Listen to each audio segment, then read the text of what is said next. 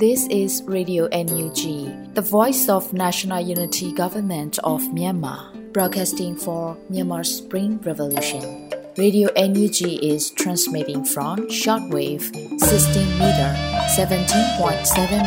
MHz at 8:30 a.m. and 25 meter 11.94 MHz at 8:30 p.m. Myanmar Standard Time. မင်္ဂလာပါရှင်။ မြို့သားညီညွတ်ရေးအစိုးရရဲ့အတန်လွင့်ဌာန Radio NUG ကိုမနက်ပိုင်း၈နာရီခွဲမှာလိုင်းတူ16မီတာ19.89 MHz ၊ညပိုင်း၈နာရီခွဲမှာလိုင်းတူ25မီတာ17.6 MHz တို့မှာဓာတ်ရိုက်ဖမ်းယူနားဆင်နိုင်ပါတယ်ရှင်။မင်္ဂလာအပေါင်းနဲ့ပြည့်စုံကြပါစေ။အခုချိန်ကစပြီး Radio NUG အစီအစဉ်လေးကိုဓာတ်ရိုက်အတန်လွှင့်ပေးနေပါပြီရှင်။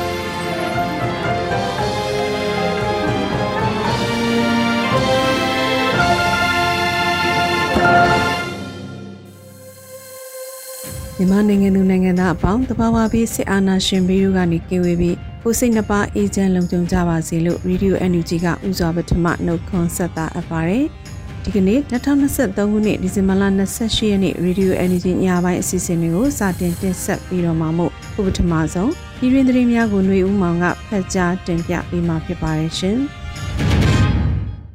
မင်္ဂလာပါခင်ဗျာ။ ယခုချိန်ကစပြီး Radio NUG ညပိုင်းပြည်တွင်သတင်းများကိုဖတ်ကြားတင်ပြပေးပါရမယ်။ကျွန်တော်ကတော့ຫນွေဦးမောင်ပါ။ပထမအဦးဆုံးတင်ဆက်ပေးမယ့်သတင်းကတော့ຫນွေဦးဒေါ်လာရေးအောင်မြင်စွာပြီးဆုံးမှုဟာဒေါ်လာရေးအင်အားစုအလုံးရဲ့ပန်းနိုင်လည်းဖြစ်တယ်လို့ဝန်ကြီးချုပ်ကပြောကြားခဲ့တဲ့သတင်းကိုတင်ဆက်ပေးပါမယ်။အမျိုးသားညီညွတ်ရေးအစိုးရ၏အစိုးရအဖွဲ့အစည်းအဝေးအမှတ်စဉ်40မြင်းဆောင်2023တွင်ပြောကြားခဲ့သောပြည်ထောင်စုဝန်ကြီးချုပ်၏ မိခွန်းကောင်းလုပ်ချက်ကိုဝန်ကြီးချုပ်ဆိုရှယ်မီဒီယာမှာဖော်ပြထားရာຫນွေဦးဒေါ်လာရေးအောင်မြင်စွာပြီးဆုံးမှုဟာဒေါ်လာရေးအင်အားစုအလုံးရဲ့ပန်းနိုင်လည်းဖြစ်တယ်လို့ပြည်ထောင်စုဝန်ကြီးချုပ်မန်းဝင်းခိုင်တန်းကပြောကြားထားပါတယ်။ဒီဒေါ်လာရေးကြီးအောင်မြင်စွာပြီးဆုံးမှုဟာကျွန်တော်တို့အားလုံးရဲ့ပန်းနိုင်လည်းဖြစ်နေတာမို့ငါတို့ဘလောက်လုံနိုင်ခဲ့ကြသလဲဆိုတာပြန်လည်သုံးသပ်ရင်ရှေ့နှစ်အတွက်အကောင်းဆုံးအင်အားတွေရရှိနိုင်ကြပါစေလို့ဝန်ကြီးချုပ်ကဆိုပါတယ်။2021ခုနှစ်စက်တင်ဘာလ9ရက်နေ့မှာ ပြည်သူ့ခုခံဒေါ်လာစင်များစတင်ဖို့အမျိုးသားညီညွတ်ရေးအစိုးရကကြေညာခဲ့ပါတယ်။လက်ရှိမှာတော့စစ်ရေးအရှိန်ကိုမြင့်တင်လျက်ရှိပြီးတော့စစ်အုပ်စုကိုစစ်ရေးစီးပွားရေးတန်တမန်ရေးတို့မှာစစ်မျက်နှာဖွင့်ကတိုက်ထုတ်လျက်ရှိနေပါတယ်ခင်ဗျာ။ဆက်လက်ပြီးအကြမ်းဖက်စစ်တပ်ရဲ့ခိုင်မာတဲ့အင်အားနဲ့ဖွဲ့စည်းမှုတို့ဟာအကုန်ကျိုးပြတ်သွားပြီလို့ဒုဝန်ကြီးဦးမော်ထွန်းအောင်ကပြောကြားခဲ့တဲ့သတင်းကိုတင်ဆက်ပေးပါမယ်။အကြမ်းဖက်စစ်တပ်ရဲ့ခိုင်မာတဲ့အင်အားနဲ့ဖွဲ့စည်းမှုတို့ဟာ အကုန်ကျိုးပြတ်သွားပြီလို့ဒုဝန်ကြီးဦးမော်ထွန်းအောင်ကဒီဇင်ဘာလ28ရက်နေ့တွင်ဆိုရှယ်မီဒီယာမှာသုံးသပ်ပြောကြားထားပါတယ်။1968မက္ကဆီကိုအိုလံပစ်မှာ Bob ဆိုတဲ့သူကစက္ကန့်30အောက်9.95စက္ကန့်နဲ့ပြေးပြပြီးတဲ့နောက်ပိုင်းမှာအဲ့ဒီစိတ်ပိုင်းဆိုင်ရာအတားအဆီးကျိုးပြီးစံချိန်သစ်တွေတင်လာလိုက်တာနောက်ဆုံးဦးစိန်ဘော့ဆို9.58စက္ကန့်နဲ့ပြေးနိုင်သွားပြီလက်ရှိဒေါ်လာရေးမှာလည်းရုံတန်းစကားလိုဖြစ်တဲ့ စစ်တပ်ရဲ့ institution တောက်တင်းတယ်လို့38ခုမြောက်တော့ necessary evil ဆိုတဲ့ဟာတွေအကုန်ကျိုးပြတ်သွားပါပြီလို့ဆိုထားပါတယ်လက်ရှိမှာအကြမ်းဖက်စစ်ကောင်စီဟာတပ်သားသစ်ရှားပါမှုများနဲ့ရင်ဆိုင်နေရပြီးစစ်မှုထမ်းဟောင်းများနဲ့အကျဉ်းချနေတဲ့စစ်ပြေးရဲပြေးတို့ကိုပါပြန်လည်အသုံးပြုနေရပါတယ်ခင်ဗျာ ဆက်လက်ပြီးအမျိုးသားညီညွတ်ရေးအစိုးရအနေနဲ့အင်ဒိုနီးရှားနိုင်ငံမှာအခက်အခဲဖြစ်နေတဲ့ရိုဟင်ဂျာတွေကိုလူသားချင်းစာနာတဲ့လိုအပ်တဲ့အကူအညီတွေပေးဖို့ကိုမြစ်တာရက်ခံထားတဲ့တဲ့တင်ကိုတင်ဆက်ပေးပါမယ်။အမျိုးသားညီညွတ်ရေးအစိုးရအနေနဲ့အင်ဒိုနီးရှားနိုင်ငံမှာအခက်အခဲဖြစ်နေတဲ့ရိုဟင်ဂျာတွေကိုလူသားချင်းစာနာတဲ့အနေနဲ့လိုအပ်တဲ့အကူအညီတွေပေးဖို့မြစ်တာရက်ခံထားတယ်လို့လူအခွင့်အရေးဆိုင်ရာဒုဝန်ကြီးဦးအောင်ကျော်မိုးကဆိုပါတယ်။ဒီဇင်ဘာလ29ရက်ဆိုရှယ်မီဒီယာမှာ အာချေဒီသားရောက်ရိုဟင်ဂျာများအခက်အခဲဖြစ်နေတဲ့ရုပ်သံကိုလူခွင့်ရေးဆိုင်ရာဒုတိယဝန်ကြီးဦးအောင်ကျော်မိုးကသုံးသပ်ပြောကြားထားပါတယ်။တချိန်ကရိုဟင်ဂျာတွေကိုလူသားဆန်မှုအပြည့်အဝနဲ့လက်ခံခဲ့တဲ့အာချေဒီသားခံပြည်သူအချို့က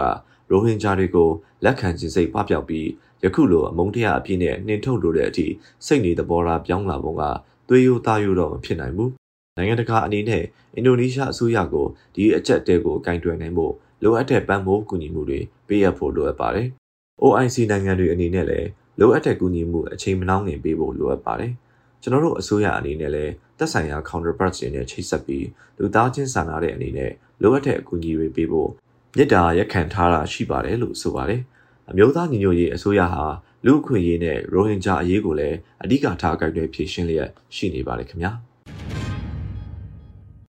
ဆက်လက်ပြီးဗတ်ပြောင်းခိုလုံလာသူတွေဟာမိမိအသက်ကိုယ်သာမကမိမိမိသားစုတွေရဲ့အနာဂတ်ကိုပါကယ်ဆယ်နိုင်တဲ့အနေအထားမျိုးဖြစ်တယ်လို့အတွဲဝင်ဦးနိုင်ထူအောင်ကပြောကြားခဲ့တဲ့တဲ့ကိုတင်ဆက်ပေးပါမယ်။လက်ရှိဒေါ်လာရေးမှာစခန်းသိန်းမြို့သိန်းအောင်ပွဲတွေရနေတာကိုဆက်ဆက်မြင်တွေ့နေရတာဖြစ်ပါတယ်။မဟာမိတ်ဒေါ်လာရေးအဖွဲ့အစည်းတွေဟာတနည်းတခြားတိုက်စွမ်းရည်မြင့်လာသလို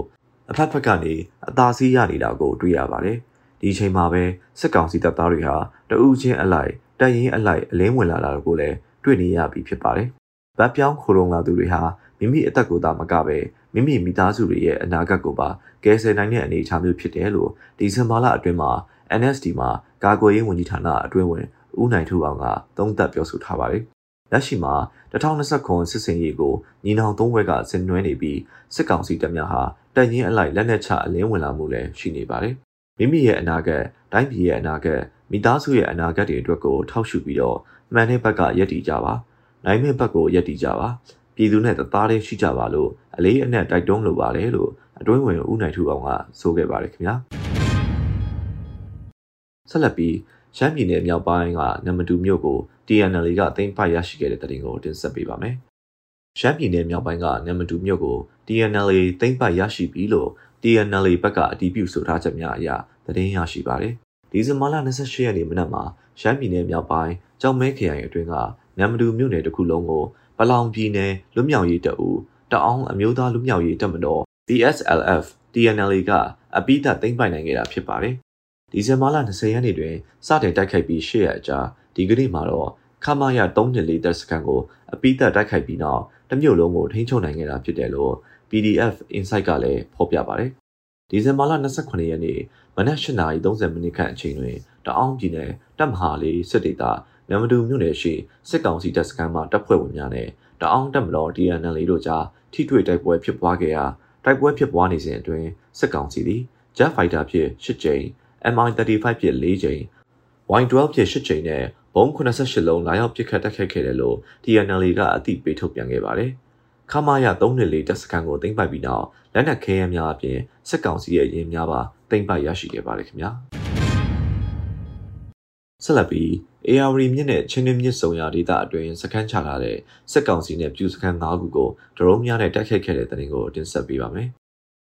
အေယာဝတီမြစ်နဲ့ချင်းတွင်းမြစ်စုံရာဒေသအတွင်းစခန်းချထားသည့်စစ်ကောင်စီနဲ့ပြူစခန်း၅ခုကိုဒရုန်းများနဲ့တိုက်ခိုက်ခဲ့ကြောင်းဒီဇင်ဘာလ28ရက်နေ့တွင်စစ်ရေးသတင်းကိုကြောက်စဲခရိုင်တရစ်တဲ့နိုင်ငံကြီးတရင်ကအတည်ပြုခဲ့ပါတယ်။အေယာဝတီမြစ်နဲ့ချင်းတွင်းမြစ်စုံရာဒေသအတွင်းစခန်းချထားသည့်စစ်ကောင်စီနဲ့ပြူစခန်း၅ခုကိုကြောက်စဲခရိုင်တရစ်တဲ့နိုင်ငံကြီးတရင်အမှတ်1844ကြောက်စဲခရိုင်ဒရုန်းတပ်ရင်းနဲ့ Lightning Drone Force မိတီလာတို့ပူးပေါင်းပြီး drone စစ်ဆင်ရေးတစ်ခုကို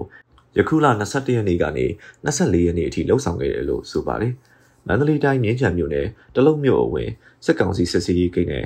စစ်ကောင်စီတက်ခိုရာနေအိမ်တလုံးကိုဒီဇင်ဘာလ24ရက်နေ့က80မမဒရုန်းဘုံဒီ၄လုံးကျဲချခဲ့ပါတယ်။ထို့အတူမြင်းချံမြို့နယ်ကိုအေယာဝတီမြေကမ်းကနေကာထားသည့်ကာကင်းရွာများတဲ့ကပြူအင်အားအများဆုံးရွာဖြစ်သည့်ညောင်တူရွာကိုဒီဇင်ဘာလ22ရက်နေ့ကဒရုန်းဘုံသီး80မမ24လုံးကျဲချခဲ့ပါတယ်။ ရေးစကြိုမြို့ပေါ်ရှိစစ်ကောင်စီနဲ့ပြူစခန်းကိုဘုံသီးလေးလုံးချခဲ့ပြီးစကိုင်းတိုင်းမြောင်မြို့နယ်အတွင်းစစ်ကောင်စီနဲ့ပြူအင်အားအများဆုံးအထိုင်ချထားသည့်ကြောက်ရည်ကြီးပါကိုယခုလ24ရက်နေ့ကဒရုန်းဘုံသီး20လုံးချခဲ့ကကြောက်ရည်စခန်းကနေရွှေတချောင်းရွာသို့စစ်ကြောင်းထွက်လာသည့်စစ်ကောင်စီနဲ့ပြူအင်အား90ခန့်ကိုလည်းယခုလ23ရက်နေ့ကဒရုန်းဘုံသီး6လုံးကျဲချခဲ့ပါတယ်။၄ရက်ကြာပြုလုပ်ခဲ့သည့်အဆိုပါစစ်စင်ရေးတွင် 80မမဒရုန်းဘုံသီး58လုံးကျဲချခဲ့ပြီးစစ်ကောင်စီ19ဦးသေဆုံးကထိခိုက်ဒဏ်ရာ20ဦးခန့်စေကူတောက်မှုခံရကြောင်းသိရှိရပါတယ်။နောက်ဆုံးသတင်းအနေနဲ့ကတော့ Federal Net Campaign မှာနိုင်ငံအလိုက်ထောက်ဖို့ပါဝင်ထားမှုအရ American, Singapore နဲ့မြန်မာတို့မှာရှေ့ပြေးအများဆုံးပါဝင်နေတဲ့သတင်းကိုတင်ဆက်ပေးပါမယ်။ Federal Net Campaign မှာနိုင်ငံအလိုက်ထောက်ဖို့ပါဝင်ထားမှုအရ American, Singapore နဲ့မြန်မာတို့မှာရှေ့ပြေးအများဆုံးပါဝင်နေရလို့သတင်းရရှိပါတယ်။ Federal Net Campaign ရဲ့လက်ရှိရန်ပုံငွေကောက်ခံထားရှိတဲ့ရာခိုင်နှုန်းနဲ့နိုင်ငံအလိုက်ထောက်ဖို့ပါဝင်ထားတဲ့စီးရင်ကိုဖော်ပြလိုက်ပါတယ်။ကမ်ပိန်းကာလကို2024ခုနှစ်ဇန်နဝါရီလ15ရက်နေ့အထိသတ်မှတ်ထားပါတယ်။ကမ်ပိန်းပြီးဆုံးဖို့14ရက်ကြာပါသေးတယ်။လိုနေသေးတဲ့32.8ရာခိုင်နှုန်းကိုမင်္ဂလာရှိတဲ့နှစ်သက်မှာ Battle.net Project အမြန်ဆုံးအကောင့်ထဲပေါ်နိုင်စေဖို့တယောက်တစ်လက်ဝိုင်းလို့ဆက်ထောက်ဖို့ကွန်ရက်ပြည်သူအတွက်ဆိုသလိုပဲဒုပြည်သူတွေကဝိုင်းဝန်းထောက်ဖို့ကူညီကြပါစို့လို့ဒီဇင်ဘာလ28ရက် Federalnet Campaign ကတရားဝင်အသိပေးဆိုပါတယ်။ Federalnet Campaign မှာနိုင်ငံအလိုက်ထောက်ဖို့ပါဝင်ထားမှုအရ American မှာဒေါ်လာ14920ခွန်စင်ကာပူမှ9984.85မြန်မာ 9121.2ခွန်ဒေါ်လာတို့ပါဝင်ထားပါတယ်။အမျိုးသားညီညွတ်ရေးအစိုးရဆက်သွယ်ရေးသတင်းအချက်အလက်နဲ့ဤပညာဝန်ကြီးဌာနကမြို့နယ်၅မြို့နယ်တွင်အင်တာနက်တိုးချဲ့တက်ဆင်နိုင်ရန်ရည်ရွယ်၍ Federalnet Campaign လှုပ်ဆောင်နေတာဖြစ်ပါတယ်။ Federalnet Campaign ရဲ့ကနအူးတီဆောက်ဖို့လိုအပ်ချက်ဖြစ်တဲ့မြို့နယ်၅မြို့နယ်အတွင်း American Dollar 2.5တန်းလိုအပ်မှာဖြစ်ပါတယ်ခင်ဗျာ။ယခုတင်ပြခဲ့တဲ့သတင်းတွေကို Radio NUG သတင်းတောင်မင်းတီဟန်မှပေးပို့ပေးထားတာဖြစ်ပါတယ်။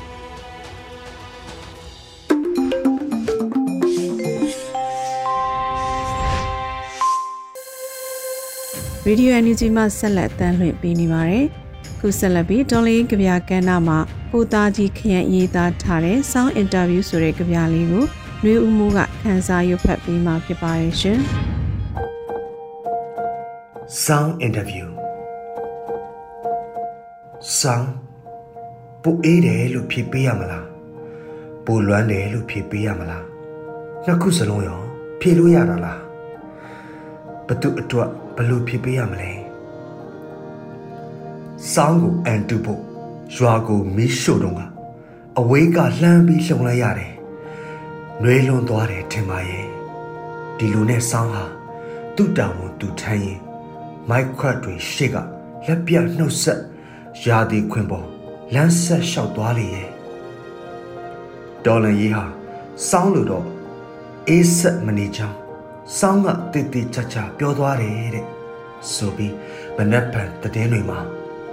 မြင်တွေ့ကြရအောင်မေပေါ့တကယ်တော့စောင်းကိုမော့တော့ဖို့ခြုံလွှာတွေမလိုဘူးជីကာပဲလိုတာမဟုတ်လားကိုသားကြီးခင်ရဲ့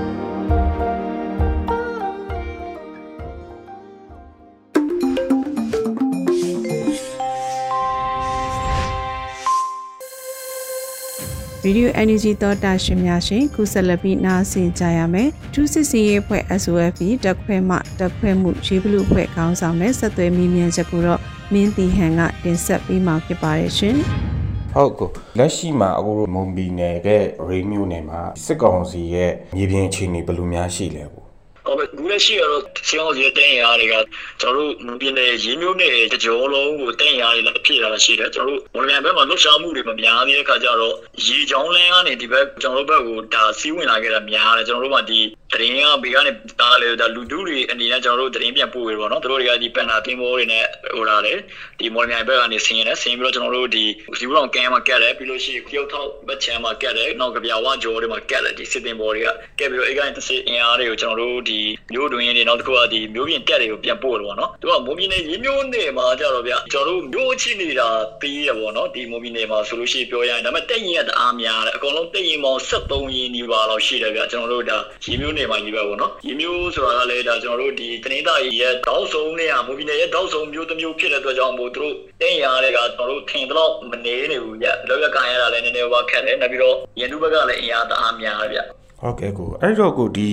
2023ခုနှစ်အတွင်းမှာရောသူတို့စစ်ရာဇဝမှုကျူးလွန်မှုအနေနဲ့ဖြစ်ရတဲ့ရောအရသားတွေအပေါ်ကျူးလွန်တာရောဗာများရှိခဲ့လဲမသိဘူးရသားတွေကျူးလွန်တဲ့အပေါ်မှာတော့အများကြီးရှိတယ်အများကြီးရှိတယ်ဆိုတော့ကျွန်တော်တို့အခုလိုမျိုးနိုင်ညတာကိုသူကမရှိတော့ဆိုတော့ထုတ်ပြန်တယ်ထုတ်ပြန်တော့နိုင်ညတာကိုနော်ဒီမကောင်းဖြစ်တဲ့ပုံစံမျိုးတွေပေါ့ဒီမကောင်းဖြစ်တာတွေအခုလူလူတွေနေဆေးရုံစီကံသွားလာရတာအခက်ခဲတချို့ဖြစ်လာရတယ်ပြီးတော့ အုပ်ချုပ်ရေးမှုတွေကလည်းဒီအခက်ခဲကိုပေါ့ဖြစ်ရှင်းပြီးလို့မနာဘူးဟိုအုပ်ချုပ်ရေးမှုနေရာကလည်းအခုညရင်ညတာအပြင်ဆေးရုံစီကံကိုပို့ပေးရမှာဆိုလို့ရှိရင်လည်း ခေါင်းဆောင်တဲ့ပုံစံမျိုးတွေလောက်ကြတော့ဗောနော်ဒါစီကောင်စီရဲ့ဟိုကတ်သက်ရတဲ့အချိန်မှာဘာညာဆိုပြီးတော့အဲ့လိုပုံစံမျိုးတွေရှိတယ်စစ်စီဂိတ်တွေမှာဆိုလည်းငွေတွေမတရားတောင်းတာမျိုးတွေရှိတယ်ငွေမတရားတောင်းတယ်နောက်တစ်ခုကမတင်ကလည်းမတင်ကသလိုပြစ်တယ်ဗောအဲ့လိုမျိုးပေါ့အပြစ်မရှိတဲ့ပြည်သူတွေကိုလည်းပြတ်သက်လိုက်တာမျိုးတွေကတော့ဒါကျွန်တော်တို့2023ဒီနောက်ပိုင်းမှာလည်းကြုံလာရတာမနေဘူးဗောနော်အဲ့ပုံမျိုးဖြစ်ပြက်လေးနောက်ဒင်းတွေကတောက်ပြစ်တဲ့ပုံစံမျိုးတွေလည်းအများကြီးရှိတယ်မာပြစ်မာပြစ်မိတာမျိုးတို့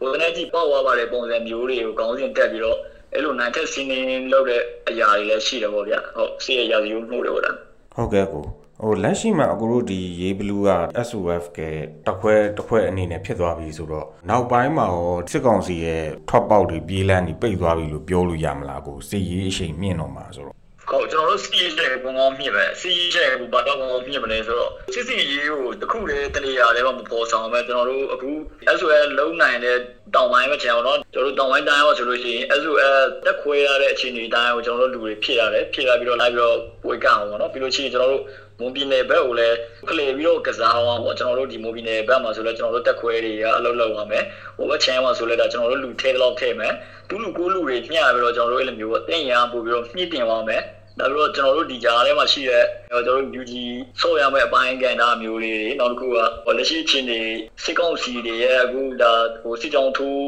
ထိုးလာတဲ့နေရာမျိုးလေးတွေပေါ့နော်။ဘာညာရောအဲ့အဲ့ဒါမျိုးတွေကိုလည်းကျွန်တော်တို့ဒါခြေမုံအောင်ရှိတယ်။ကျွန်တော်တို့အကောင်းဆုံးဒါတိုက်စစ်ဖွင့်ဖို့တော့ရှိရပါဗျာ။ကျွန်တော်တို့ခံစင်းအနေနဲ့တွားမှာတော့မဟုတ်ဘူး။အမြဲတမ်းကျွန်တော်တို့တွေကတော့တိုက်စစ်ပဲဖွင့်ပါ။လင်းလက်တို့ကိုချအောင်ပါဗျာ။ဟုတ်။ဟုတ်ကဲ့အခုဟိုနောက်ပြီးတော့ဒီအခုလက်ရှိမှာပေါ့ရေးမျိုးနယ်မှာရှိနေတဲ့နန်းစီဒီယန်နေနဲ့ဒီစစ်ကောင်စီတပ်ဖွဲ့ဝင်တွေရောအခုအနေနဲ့တတိပေးကျင်တာတရင်စကားပါကျင်တာဗာများရှိမလဲ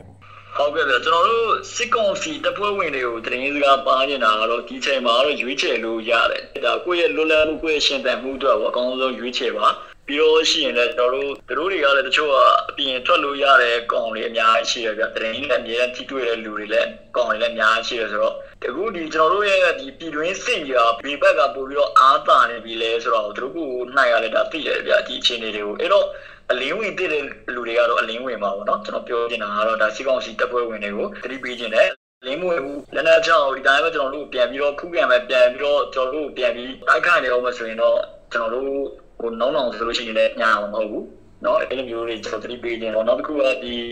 net CDN အနေနဲ့ပြောကြည့်တာကတော့လည်း ဒီချိန်မှာအကောင်းဆုံး CDN ပြန်လောက်ပါရှောင်ထွက်ပါအခုဆိုလို့ရှိရင်လည်းတိတ်ပွဲတော့မြင်နေရတာကမွန်ပြည်နယ်မှာဆိုလို့ရှိရင်မွန်ပြည်နယ်ဒီဒီလိုနဲ့တခွင်မှာဆိုရင်ဒါစစ်ကောင်စီရဲ့ဒီရန်နေရာတွေပေါ့နော်လက်ပတ်မှုမရှိတော့ဘူးဒါကျေးလက်ဦးစီးဌာနတွေနောက်တစ်ခုကအခုဆိုလို့ရှိရင်ဒီ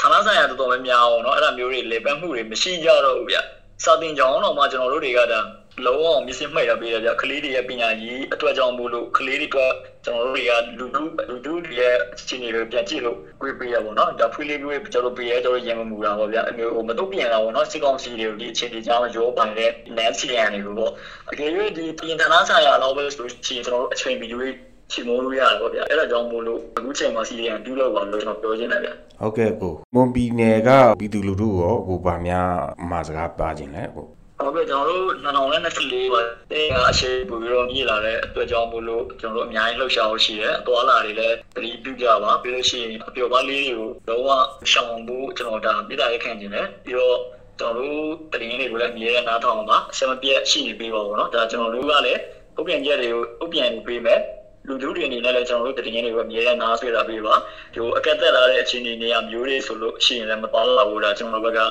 မိသားရခံနေတယ်ပြောရှိရင်လည်းကျွန်တော်တို့တဲ့အခြေအနေဟိုအများကြီးညှိပါမယ်ကျွန်တော်တို့ဒါရန်သူဘက်ကိုလည်းခရီးရောက်အများကြီးတော်နိုင်ပါမယ်လို့ဒီလူလူတွေကျွန်တော်ကစကားပါနေတာပါဗျဟုတ်ဟုတ်ကဲ့ပါကိုအဲ့တော့လေဒီຫນွေဦးတော်လိုင်းနဲ့ပတ်သက်လို့ရောအခုအကြံပြုချင်တာများရှိရင်လည်းပြောပြပါနောက်ဖြည့်ဆွတ်ပြောချင်တာများရှိရင်လည်းပြောပြပါကို ဟုတ်ကဲ့ကျွန်တော်တို့ဒီလူလူတော်လိုင်းနဲ့ပတ်သက်ပြီးတော့ကျွန်တော်တို့အကြံပေးရတော့ဘာမှမရှိပါဘူးအကုန်လုံးသူ့ရဲ့အခန်းကဏ္ဍနဲ့သူတွားနေကြတာတော့တော်နေရေးမှာအားလုံးတော်ရတယ်လေအားလုံးတော်ရတယ်အားလုံးဆက်မြတ်ကြတယ်ဆိုတော့အကောင်လုံးကသူ့သူ့ရဲ့သူ့ရဲ့ဟိုတောက်သူနေရတဲ့သူတောင်းယူပြီးတော့တောင်းထက်ဆောင်နေကြတဲ့အတွက်ကြောင့်မို့အားလုံးအဆင်ပြေတယ်ကျွန်တော်အနေနဲ့ဘာမှအကြံပြုပြရလို့မရှိဘူးဒါပေမဲ့ ကျွန်တော်အနေနဲ့ဒါပြောရတယ်ဆိုရင်တော့အကုန်လုံးဒါစစ်စစ်လလုံးပေါ့နော်စစ်စစ်လလုံးစစ်စစ်လုံးနဲ့တို့တွားရရင်တော့ဘုံရင်သူပို့ပြီးတော့ထိနာလိုက်ရမယ်နောက်ပြီးတော့ဟိုတချို့ဒီတိုင်းသား ERO တွေထဲမှာလည်းကျွန်တော်ပေါင်းပြီးပြီးတော့ပေါ့နော်ဒီ dream plan ရေးမှာပို့ပြီးတော့အားကောင်းပေါင်းဝင်ပေးပါပေါ့နော်အဲ့ဒါကိုကျွန်တော်တို့ကမိသားရခန့်ကြပါတယ်ခင်ဗျာဟုတ်ကဲ့ကျေးဇူးပါအခု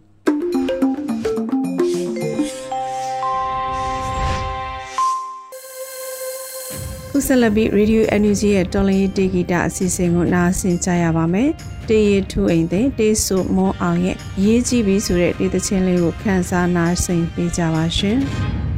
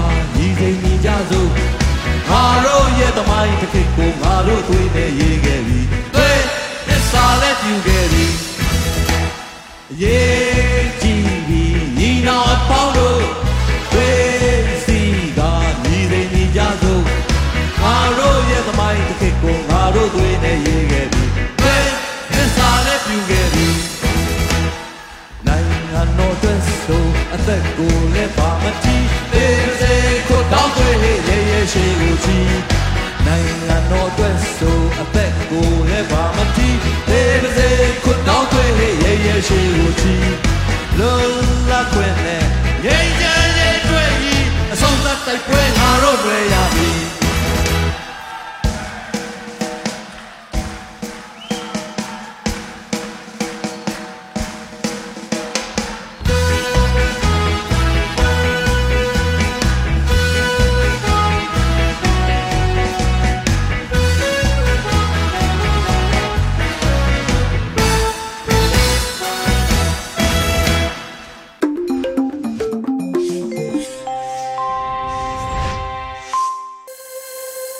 ရေဒီယို NUG သောတာရှင်များရှင်ခုဆက်လက်ပြီးလူခွင့်ရေးစကားတဲ့အစီအစဉ်မှာတော့ Equality မြန်မာမှတင်ဆက်တဲ့တွင်ကူပြောင်းရေးကာလတရားမျှတမှု Transitional Justice အစီအစဉ်ကိုနားဆင်ကြရပါမယ်ရှင်။ transitional justice လို့ခေါ်တဲ့အသွင်ကူးပြောင်းရေးကာလတရားမျှတမှုကိုလက်တလောမှာတွင်တွင်ကြဲကြဲပြောဆိုနေကြပါတယ်။ဘာကြောင့်ဒီလိုတွင်တွင်ကြဲကြဲပြောဆိုနေကြပါသလဲ။ဘယ်လိုအခြေအနေတွေတွေ့ကြုံနေရလို့တရားမျှတမှုကိုစာလောင်နေကြပါသလဲ။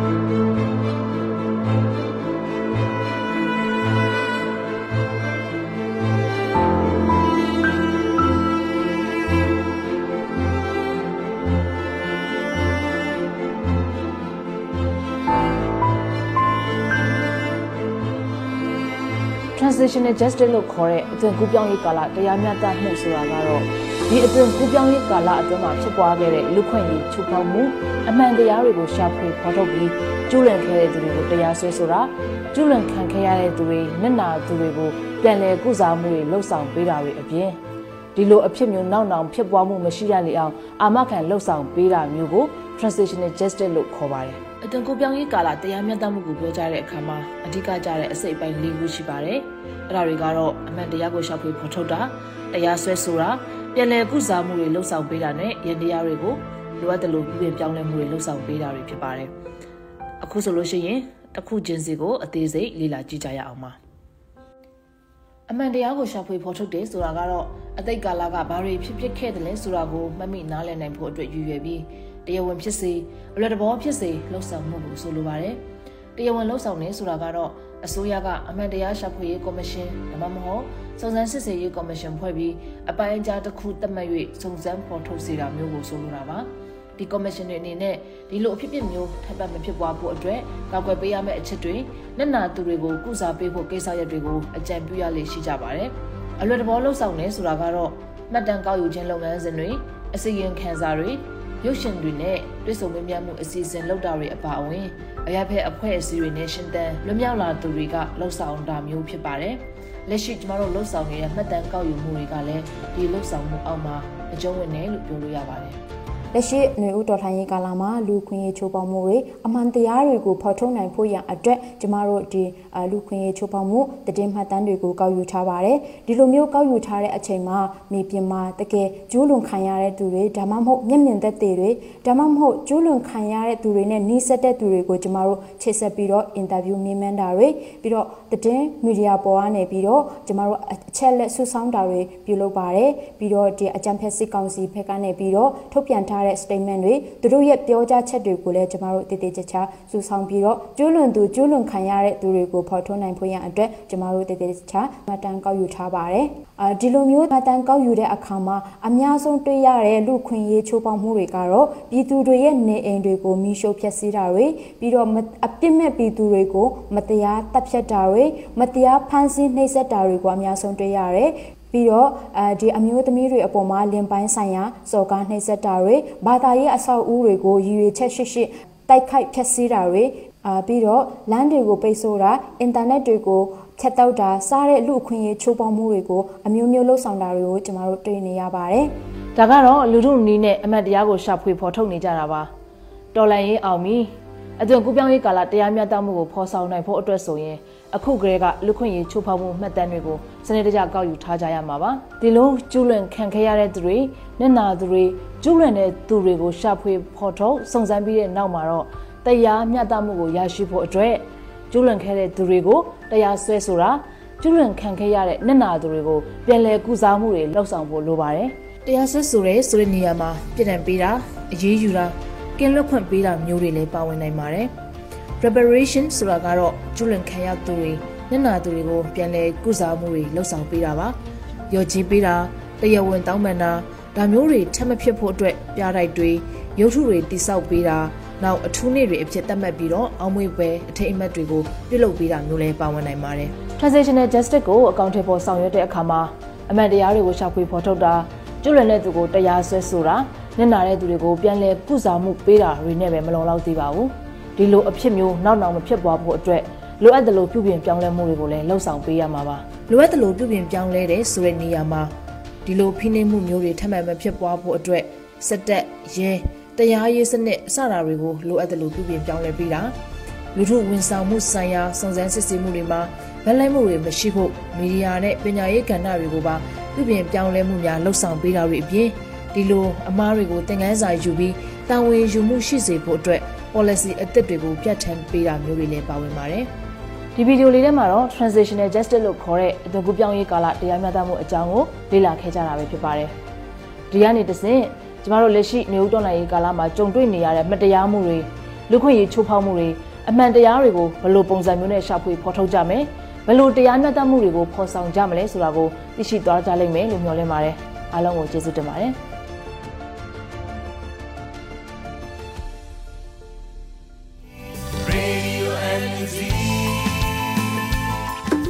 ဒီကနေ့ကတော့ဒီညနဲ့ပဲ Radio NUG ရဲ့အစီအစဉ်လေးကိုခਿੱတရနာလိုက်ပါမယ်ရှင်။မြမစံတော်ချိန်မနက်၈နာရီခွဲနဲ့ည၈နာရီခွဲအချိန်တွေမှာပြန်လည်ဆုံတွေ့ကြပါစို့။ Radio NUG ကိုမနက်ပိုင်း၈နာရီခွဲမှာလိုင်းတူ16မီတာ19.8 MHz ညပိုင်း၈နာရီခွဲမှာလိုင်းတူ25မီတာ17.6 MHz တို့မှာဓာတ်ရိုက်ဖမ်းလို့နိုင်စေနိုင်ပါပြီ။ မြန်မာနိုင်ငံသူနိုင်ငံသားတွေကိုစိတ်နှပြကျန်းမာချမ်းသာလို့ဘေးကင်းလုံခြုံကြပါစေလို့ Radio NUG အဖွဲ့သူဖွဲ့သားတွေကဆုတောင်းမြတ်တာပို့နေပါတယ်ရှင်။မြေသားညီမတွေအစိုးရရဲ့စက်တော်ရင်သတင်းအချက်အလက်တွေလူပညာဝန်ကြီးဌာနကထုတ်လွှင့်နေတဲ့ Radio NUG ဖြစ်ပါတယ်။ San Francisco Bay Area အခြေစိုက်မြန်မာမိသားစုတွေနဲ့နိုင်ငံတကာကစေတနာရှင်တို့အားပေးနေတဲ့ Radio NUG ဖြစ်ပါတယ်။အရေးတော်ပုံအောင်ရမည်